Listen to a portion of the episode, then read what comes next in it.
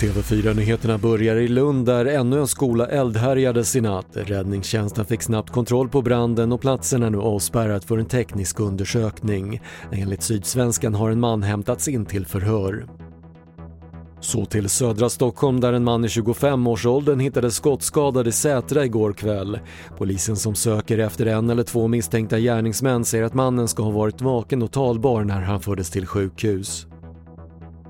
I Japan stiger dödssiffran efter de svåra översvämningarna och minst 50 människor har bekräftats döda. Tiotusentals hjälparbetare har satts in för att rädda strandsatta men arbetet har varit mycket besvärligt eftersom regnet inte visar några tecken på att avta. Och på grund av coronapandemin skickar USA hem utländska studenter vars undervisning kommer att genomföras på distans under höstterminen. Enligt landets gränsmyndighet kommer inte heller nya studentvisum att utfärdas om det inte handlar om undervisning på plats. Det var det senaste från TV4 Nyheterna. Jag heter Patrik Lindström.